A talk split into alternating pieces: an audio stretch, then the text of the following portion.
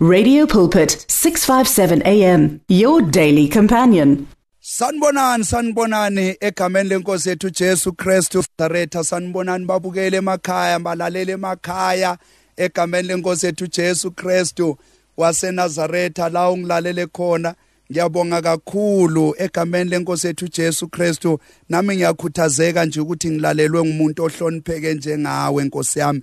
Egameni lika Jesu ngiyazi ukuthi bekukuningi kade ungakwenza kade ungababhizi ngakho kodwa wakhetha ukuthi yazini every saturday angizukuphuthelwa ngisetapha ialarm. Kukhona lo mfundisi bathi ngumfundisi umoyo weChrist Family Assembly olaphaya eArcadia Hotel ePretoria phakathi edrobheni.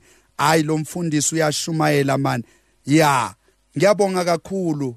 Ngizizwa ngithobekile nami egameni lika Jesu Kristo futhi ngiyathandaza ukuthi lama messages engiwashumayelayo avuke abe yikuphila kuwe esimeni sakho. uNkulunkulu akusize uNkulunkulu akukhulule uNkulunkulu akunqobele uNkulunkulu akulwele uNkulunkulu akuphakamise egameni lika Jesu Kristo waseNazaretha. Siyabonga kakhulu. Kanti thina inkonzo zethu lapha zingena ke ngo9 ekseni until ngo12 emini. Siyabonga kakhulu. I hope to see you egameni lika Jesu bayeza abantu laphayana.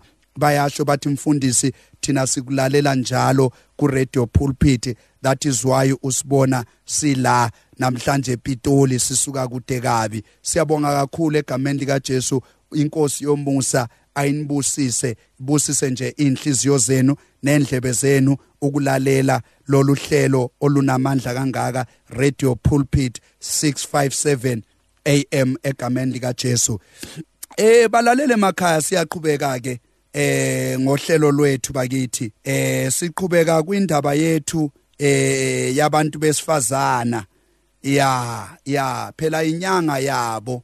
Le kumele sikuhloniphe lokho egameni lika Jesu Kristo waseNazaretha ukuthi inyanga yabantu besifazane egameni lika Jesu imbokodo bakithi. Siyabonga kakhulu bomama siyanithanda ngendlela emangalisayo. Bogogo siyanithanda ngendlela emangalisayo. Bosisi bethu siyanithanda ngendlela enimangalisayo egameni lika Jesu. La esingenzi khona kahle sicela nisixolele egameni lika Jesu bathi lixhoshwa libhekile. Egameni lenkosi yethu Jesu Kristo waseNazaretha egameni lenkosi yethu Jesu sengathi ilona lo ubaba nje okhona emzini ongilalele. Ngathi lenyanga kaAugust nje mayiphela akumkhiphe nje ukhipheza kwakho man. Akumkhiphe lo mama mangabushade naye egameni lika Jesu ukumkhiphe nje ayodla ngaphandle okanye umthengele imbali okanye umthengele nje uchocolate kube khona nje into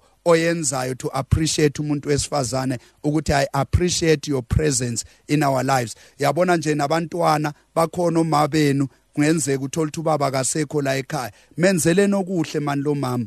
Bazukulu menzeleni okuhle ugogo egameni lika Jesu Kristu. Nani bobhuti menzeleni kahle usisi. Kunabosisi la. Wonke umuntu wesifazana nje akenzelwe kahle kulenyanga kaAugust. Egameni lika Jesu usekhulumile umfundisi omkhulu egameni lika Jesu Kristo waseNazaretha. Siyabonga kakhulu. Wena ozokwenza lokho you will come back with a testimony. Angivele ngikhulume nje into out of excitement. Uyabona mawenza kanjalo uyobunikelile kulenyanga kaAugust to put a smile emntwini wesifazana to say umuntu wesifazana siyakuthanda egameni lika Jesu Kristo waseNazaretha. Asibonge kakhulu. Singena ke ezwini likaNkuluNkulu egameni lika Jesu Kristo waseNazaretha. Glory to Jesus. Eh ngokaLuka chapter 7 verse 11 eh siyoma ku15 Luke chapter 7 verse 11 to 15 lithi iBhayibheli kwathi ngakusasa uJesu waya emzini okuthiwa yinayini. Abafundi bakhe babehamba naye nesixuku esikhulu esesondele ngasesangweni lomuzi wathola kukhona ofileyo owayethwelwe eyongcwatshwa indodana eyodwa vo kanina owayengumfelokazi. Kwakunesixuku esikhulu sabantu balowo muzi ababemphelekezela. Inkosi yakubona lokho yaba nesihe yathi kuye ungakhali. Yasontela yathinta uhlaka ababeluthwele bema. Yayisithi nsizwa ngithi kuwe vuka. Obefile wavuka wahlala ngezinqe waqala ukukhuluma. Wayesemnikeza unina. Now indaba esifunda ngayo namhlanje sifunda ngowesifazana. iBhayibheli alimqambi igama lakhe ukuthi wayengubani. Ngoba esikhathini esiningi siye sithole bonke abantu eBhayibhelini ababhaliwe babizwa ngamagama. Siyabazi nje Ruth siyabazi oEsther siyabazi oDeborah siyabazi ogogo Elizabeth siyabazi oDora nabothabitha siyabazi mani eBhayibhelini abantu besifazana babizwa ngamagama abo bakhona baningi impela ngisho umama kaJesu uMaria e, e, iBhayibheli limbiza ngegama. Kodwa ke nangu lo mama kwangazuthi iBhayibheli lavele lametha igama ngokwesimo sakhe ngoba igama lakhe lo mama kuLuka chapter 7 verse 11 wehla nayo uya ku15 hayi balalele emakhaya igama lakhe lo mama akukhulunywa ngalo asilazi. Kodwa kuqhamuka nje into ethi uJesu ngosuku olulandelayo ngakusasa wangena emzini wasenayini. Uthe nje mayengena emzini wasenayini khathaka nangu owesifazane. Lithi iBhayibheli wayengumfelokazi. iBhayibheli limbiza ngesimo sakhe adlule kuso nadlula kuso.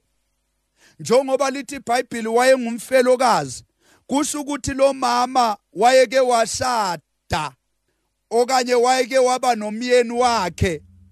Kodwa umyeni wakhe wasweleka. Alikuvezi sobala iBhayibheli ukuthi kwenzakalani. Kodwa liqhamukizwi selithi wayengumfelokazi. Limbiza ngesimo adlula kuso okanye lesi esifukamela impilo yakhe. Now kusenjalo engumfelokazi. Lithi iBhayibheli baphuma esangweni lomuzi wasenayeni. Baphuma kanje abayile ngaphandle ukuyovakasha. Baphuma kanje kukhona abantu abaphethe isidumbu la ngohlaka. Hayibo kanti ngubani lo ola olele kulolu hlaka? Lithi iBhayibheli indodana yalomama ongumfelokazi. Lithi iBhayibheli babethwele ofileyo. Indodana eyodwa vo ayisekho nayo isishonile lalela bamba lo mama ushonelwe indoda yakhe eyodwa vo. Nakho futhi kuyamphinda lokho. Kulahleka kushona umfana wakhe oyedwa vo. Kusho ukuthi njalo lo mama makuke kwaba khona into eyodwa athi nayi into nami esenginayo ivela imphunyuki lahleke ivela iphelele ezandleni ivela ishabalale. Usuyabona ukuthi kusho ukuthi lo mama bayazi abanye njengoba ngikhuluma kanje? I can relate to their situations. Moyo lento okhuluma ngayo mina sengikuzwile noma ungakayiqedi indaba yakho ukuthi uyapi ngoba njengoba ukhuluma kanje suthinte kimi isilonde esidala nami nginesimo esifanayo. Abanye bakubonile lokho during iCovid season. La esingcwabe khona ihlobo zethu esizithandayo la esingcwabe khona abantu bethu esibathandayo. La singcwabe khona abantu bethu ekade sibathembile. Lo mama uyabona ukuthi umyeni wakhe ubethembele kuye. Indodana yakhe yodwa vo nayo kade ethembele kuyo nayo ayisekho. uJesu ufika empilweni yalomama isimo sinje. Asikho mnandi lesisimo asikho sihle futhi akusona isimo ongahlekisa ngaso. Ngoba lithi iBhayibheli njengoba beza kanje bephuma kulomuzi babeyongcwaba indodana yalomama kanti uJesu naye uzobe ngena emzini wasenayeni. Kwasho ukuthi bashayisana emasangweni egeyithini lasenayini now uma uke wenza itheology geographically ngokwe distance iNazaretha la kuzalwa khona uJesu it was 14 kilometers away from iNain in other words uJesu ku hometown yakhe ungena uya eNain i distance yayithi 14 kilometers. Kukhona into engizoyichaza sengiyovala egcineni now lithi iBhayibheli uJesu uthe mayebona isimo esinjalo uJesu wabazwela lithi iBhayibheli waba nesihe kulesi simo. Lithi iBhayibheli kusenjalo uJesu akazange asakhuluma into eyiningi. Lithi iBhayibheli kwahlangana amehlo alomama okhala inyembezi zeminyaka zokulahlekelwa indoda nobuhlungu nobude bempilo nezinyembezi zamanje zokuphelekezela umntanakhe. Lo mama njalo uhlale ephelekezela abantu abathandayo emathuneni. Kwakungekho mnandi uJesu waba nesihe kulomama wathinteka kakhulu uJesu kulesimo. Lithi iBhayibheli into yaqala iaddress uJesu. Wa-address inyembezi zalomama. Wathi mama ungabe usakhala. Usuyabona ukuthi umama ngendlela ekhala ngayo ungathi ngiyabona wayesekhalisa ukahana izwi lalingasaphumeli ngaphandle. Sekugijima kudlala indebe zomlomo. Amafinyile sezehlele emakhaleni. Inyembezi nazo sezizehlela. Nemithambo yobuhlungu bokukhala isibonakala isibhalile ebusweni balomama. Ungathi ngiyambona amehlo akhe eseshintshile esebomvu. Okomuntu obhema insango kodwa esebuhlungwini ungathi ngiyabona lo mama eqhaqhazela noma ehamba akasenamandla khona umbambe ngapha khona umbambe ngapha. Ngoba uma beke bamdedela lo mama uyovela wele phansi. Kubhlungu empilweni yalomama isimo asikho mnandi. Nabaseduze naye. Abakwazi ukumsiza ngoba bazalwane balalela emakhaya. Kuyafika isikhathi empilweni la uba khona sesimeni la abantu noma bengabaseduze there is nothing much they can do except to say hayi kuzolunga sesinkosi yazi. Uyabona ke uma abantu sebethi inkosi yazi thula dadewethu thula mntanami. Ubokwazi ukuthi kwabona sebefike kwanqeketshe ngamanye amazwi sebefike egcineni kwemizamo yabo. Kwabona isekho into abangabe besakusiza ngayo.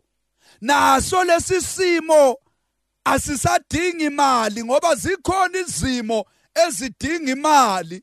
Kube khona izimo ezingadingi imali ezidinga isimoya ezidinga umuntu kaNkuluNkulu ukuthi ame phambi kwesimo akhuze akhalimele umoya kaSathane bese uyahlehla. Lithi iBhayibheli uJesu wasondela wathi kulomama ungabusakhala hey balalele emakhaya namhlanje ngiyasondela esimeni sakho nyamemezela. Ngithi ungabe usakhala yebo usebenzi ungabe usakhala yebo ushadila unabo abantwana. Ungabe usakhala yebo kade usebenza bakuxoshile emsebenzini. Ungabe usakhala yebo uyasebenza kodwa utemporary abakwenzi permanent. Bafika abantu emva kwakho babaqhashe baba permanent.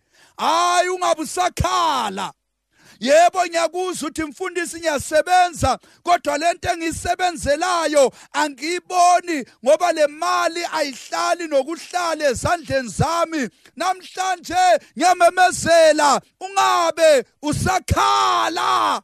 Yebo ngiyakuzwa mfundisi ngishadile nginomyeni wami kodwa ngisamazi usethathwe intombi la ngaphandle.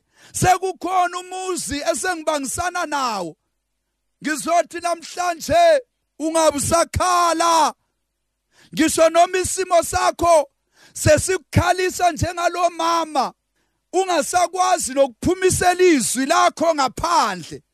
Ah ungabe usakhala ungabe usakhala ungabe usakhala uJesu wasondela kulomama wathi lalela mama ungabe usakhala khona abantu engizokhuluma nabo mfundisi bengubhizinisi. Kuhambe yonke into yami. Kuhamba amatekisi ami. Kuhamba amatruck ami. Kuhamba amacontract ami. Mfundisi ngenza njani mayisimo sinje? Lalela ngizokutshela into eyodwa eyakhulunywa inkosi yamakhosi kulomama. Ungabe usakhala usizo selukhona. At the sound of my voice njengoba ungilalele manje kukhona isimo esishintshayo. Ngoba uJesu akakutholi usesimeni akushiye usesimeni. Lo mama wayefukanyelwe yifu lebhadi lokufa. Lo mama wayefukanyelwe yifu lokulahlekelwa. Khona abantu bayalahlekelwa. Umuke wasebenza wena njalo ngonyaka nonyaka. Kuleyo nyanga kumele ulahlekelwe umsebenzi. Khona abanye bathi mfundisi ngiyazama ukukhulelwa kodwa njalo mase ngithokosile nami ngithi into zami zihamba kahle ngizoba nomntwana kuvele umntwana ngibe nemiscarriage. Ngizothi namhlanje ungabe usakhala. Ngabe usakhala abantwana bakho mama baba bakulahlile bakushile bayiphilela kamnandi le abasakunakile. Nokuthi ulala udleni abanandaba bayiphilela ezweni. Bayaphuzisana utshwala nabangane uthi uJesu namhlanje ungabe usakhala ngoba uzoshintsha isimo sakho. Lithi iBhayibheli uJesu wasondela kulo ofileyo. Lithi iBhayibheli kusenjalo. Lo ofileyo lithi izwi likaNkuluNkulu wavuka wahlala ngezinqe lithi iBhayibheli mayiqede lapho wakhuluma. uJesu usondele eduze kwecoffin hlaka olwaluphethe umuntu ofileyo. uJesu wakhuluma amazwi awodwa. Wathi lalela ndodana nsizwa vuka. Namhlanje ngizothi nawe vuka. Ngizothi kuwe vuka. Usazophumelela ukuthi uke walahlekelwa uNkulunkulu uzokuvusa na uzofana noJobe owathi eselahlekelwe yikho konke. Kodwa lithi iBhayibheli uNkulunkulu mayesemphindisela esemnikeza konke okulahlekile esembuyisela konke okungokwakhe lithi iBhayibheli kwaphinda phindwa kabili. Yizothi uNkulunkulu namhlanje akaphinda phinde lokho okukulahlekele wakhuluma kanye uJesu wathi ndodana nsizwa vuka. Ngizothi nawe angazi ukuthi kwenzakalani empilweni yakho. Kodwa ngathi ngizwa amandla ovuko lukaKristu. Amandla avusa uJesu kwabafileyo. Azovuselela ama finances wakho. Kuyonyamalala izikolodo lezi kade sezifukamela ama account akho. Uthi uJesu ungabe usakhala ukuhamba ugijima omashonisa kuyaphela namhlanje. Nawe uzovuka uyimele. Nawe uzovuka uyimele. Ngeke usathwalwa ngabantu ngoba usuyabona ukuthi lensizwa njengoba ifile kanje ilele kanje phezikohlaka yayithwelwe ngabantu. Ngizothi kusukela namhlanje ukuthwala ngabantu kuyanyamalala ukuthwala ngabantu kuyaphela. Kudala bekuthwela abantu sebeze bakhuluma ngawe. Yonke indawo abanye sebeze bakhathele ukusizana nawe. Kodwa uthi uNkulunkulu namhlanje uzovuka uyimele wena wedwa. Uzovuka uzimele ube ngumuntu ebantwini. Nayo into engiyithandayo sengivala. Lithi iBhayibheli lo mfana wathi nayevuka into eyaqala yenza lithi iBhayibheli wakhuluma. Lalela uma uthwelwe ngabantu awuna choice kumele uthule ngisho noma bengakuphathanga kahle. Uma uthwelwe ngabantu empilweni usizwa ngabantu empilweni uyisiaramu sabo nkosi yami. Kumele njalo ngisho noma mabekwenzela ngisho noma bekwenzela into engasi right kumele uthule ufele ngaphakathi njengepilisi. Kodwa nayi into engithanda ngoNkulunkulu uma yena ezokuvusa uJehova na uyavuka ube nezwi emphakathini. Uyavuka baba ube nezwi kufamily yakho. Amadoda amaningi namhlanje awanazwi kuma families abo. Kwenze njani? Ngoba lo baba walahlekelwa ngumsebenzi. Ama finances akhe asahambi kahle. Usethwelwe ngulomama usethwelwe yilabantwana. Bamenzisa noma yini? Ubudoda bakhe nesithunzi sakhe asisekho. Kodwa namhlanje uthi uNkulunkulu angizokutshela ukuthi uzokuvusa uzozimela nawe kuze ukwazi ukuba nezwi. Ngoba mawuthwelwe ngabantu awunazwi emphakathini awunazwi ngisho nakufamily yakho. Ngeke ngithi mina ma abantu bekusiza ngisho nakufamily mabekunikeza ilift kuthiwa kune meeting yomndeni siyehla siyakuphika uphe emakhaya lalela wena uma ucela ilift na usufike phambili kuleyo meeting noma lo oze naye sebheda awukwazi ukuphikisana naye kuleyo meeting ngoba ubuke waphikisana nephuzu lakhe uzohayikha sewubuyele emuva. Uyokushiya. Sekumele uvumelane naye noma yena esekhuluma umbhedo. Kodwa kusukela namhlanje uthi uNkulunkulu uzoba nezwi uzokhuluma kanye. Isizwe sonke sikulalele. Uzokhuluma kube kanye abantwana bakho bathobela umthetho wakho. Uzo ngamanye amazwi ukuba nezwi ukuphatha uma uJesu esefikile empilweni yakho. Nawe kade uyicleaner uzophakama ube yisupervisor. Nawe kade uyisecurity uzophakama ube yisupervisor. Uzophakama ube neyakho ikhampani. Uzophakama wena kade uyi-employee unganagama. Uzophakama ube yimanager. Uzophakama na ube yi-CEO uzophakama na ube yi-director. Uzovuka nawe ube ngusomabhizinisi omkhulu ohlonishwayo esizweni sonke ngoba mawuphakama uba nezwi it symbolizes i-authority uJesu esifikile empilweni yomuntu. Uvuselela neauthority. Uvuselelwa lokhu uNkulunkulu akwenza ngesikhathi edala umuntu. Athi rule athi subdue athi replenish athi take over. Athi uNkulunkulu have authority have dominion. Busa uphathe konke okukhona emhlabeni kungokwakho. Ngizomemezela namhlanje. Ukuthi uJesu khona uJesu unamandla okukuvuselela kulesi simo okuso.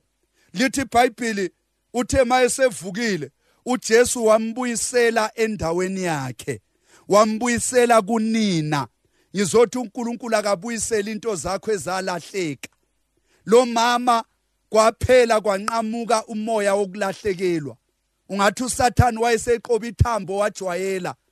Wayelahlekelwe indoda this time kwase kumele kulahleka indodana. Izulu laphakamisa isandla lakhalimela umoya wokufa. Umfana wavuka uthe mayevuka wambuyisela kunina. Nomama ungathi ngiyambona lo mama esejabulile. Labo ababesele emuva bepheka bekhala inyembezi bamangala sekuqhamuka ikhwaya. Esihlabelela ngenhlokomo yentokozo sekushintsha isimo kwajika umncwabo waba yiphathi kwajika umncwabo waba yicelebration. Ngithi uNkulunkulu akakwenzi ucelebrate kule season. Ngegama lika Jesu God bless you balalele emakhaya. uNkulunkulu anibusise siphinde sihlangane futhi next week same time. God bless you. The words of the Lord are words of life. Your heart is on 657 AM. 657 AM. Radio for believers in action.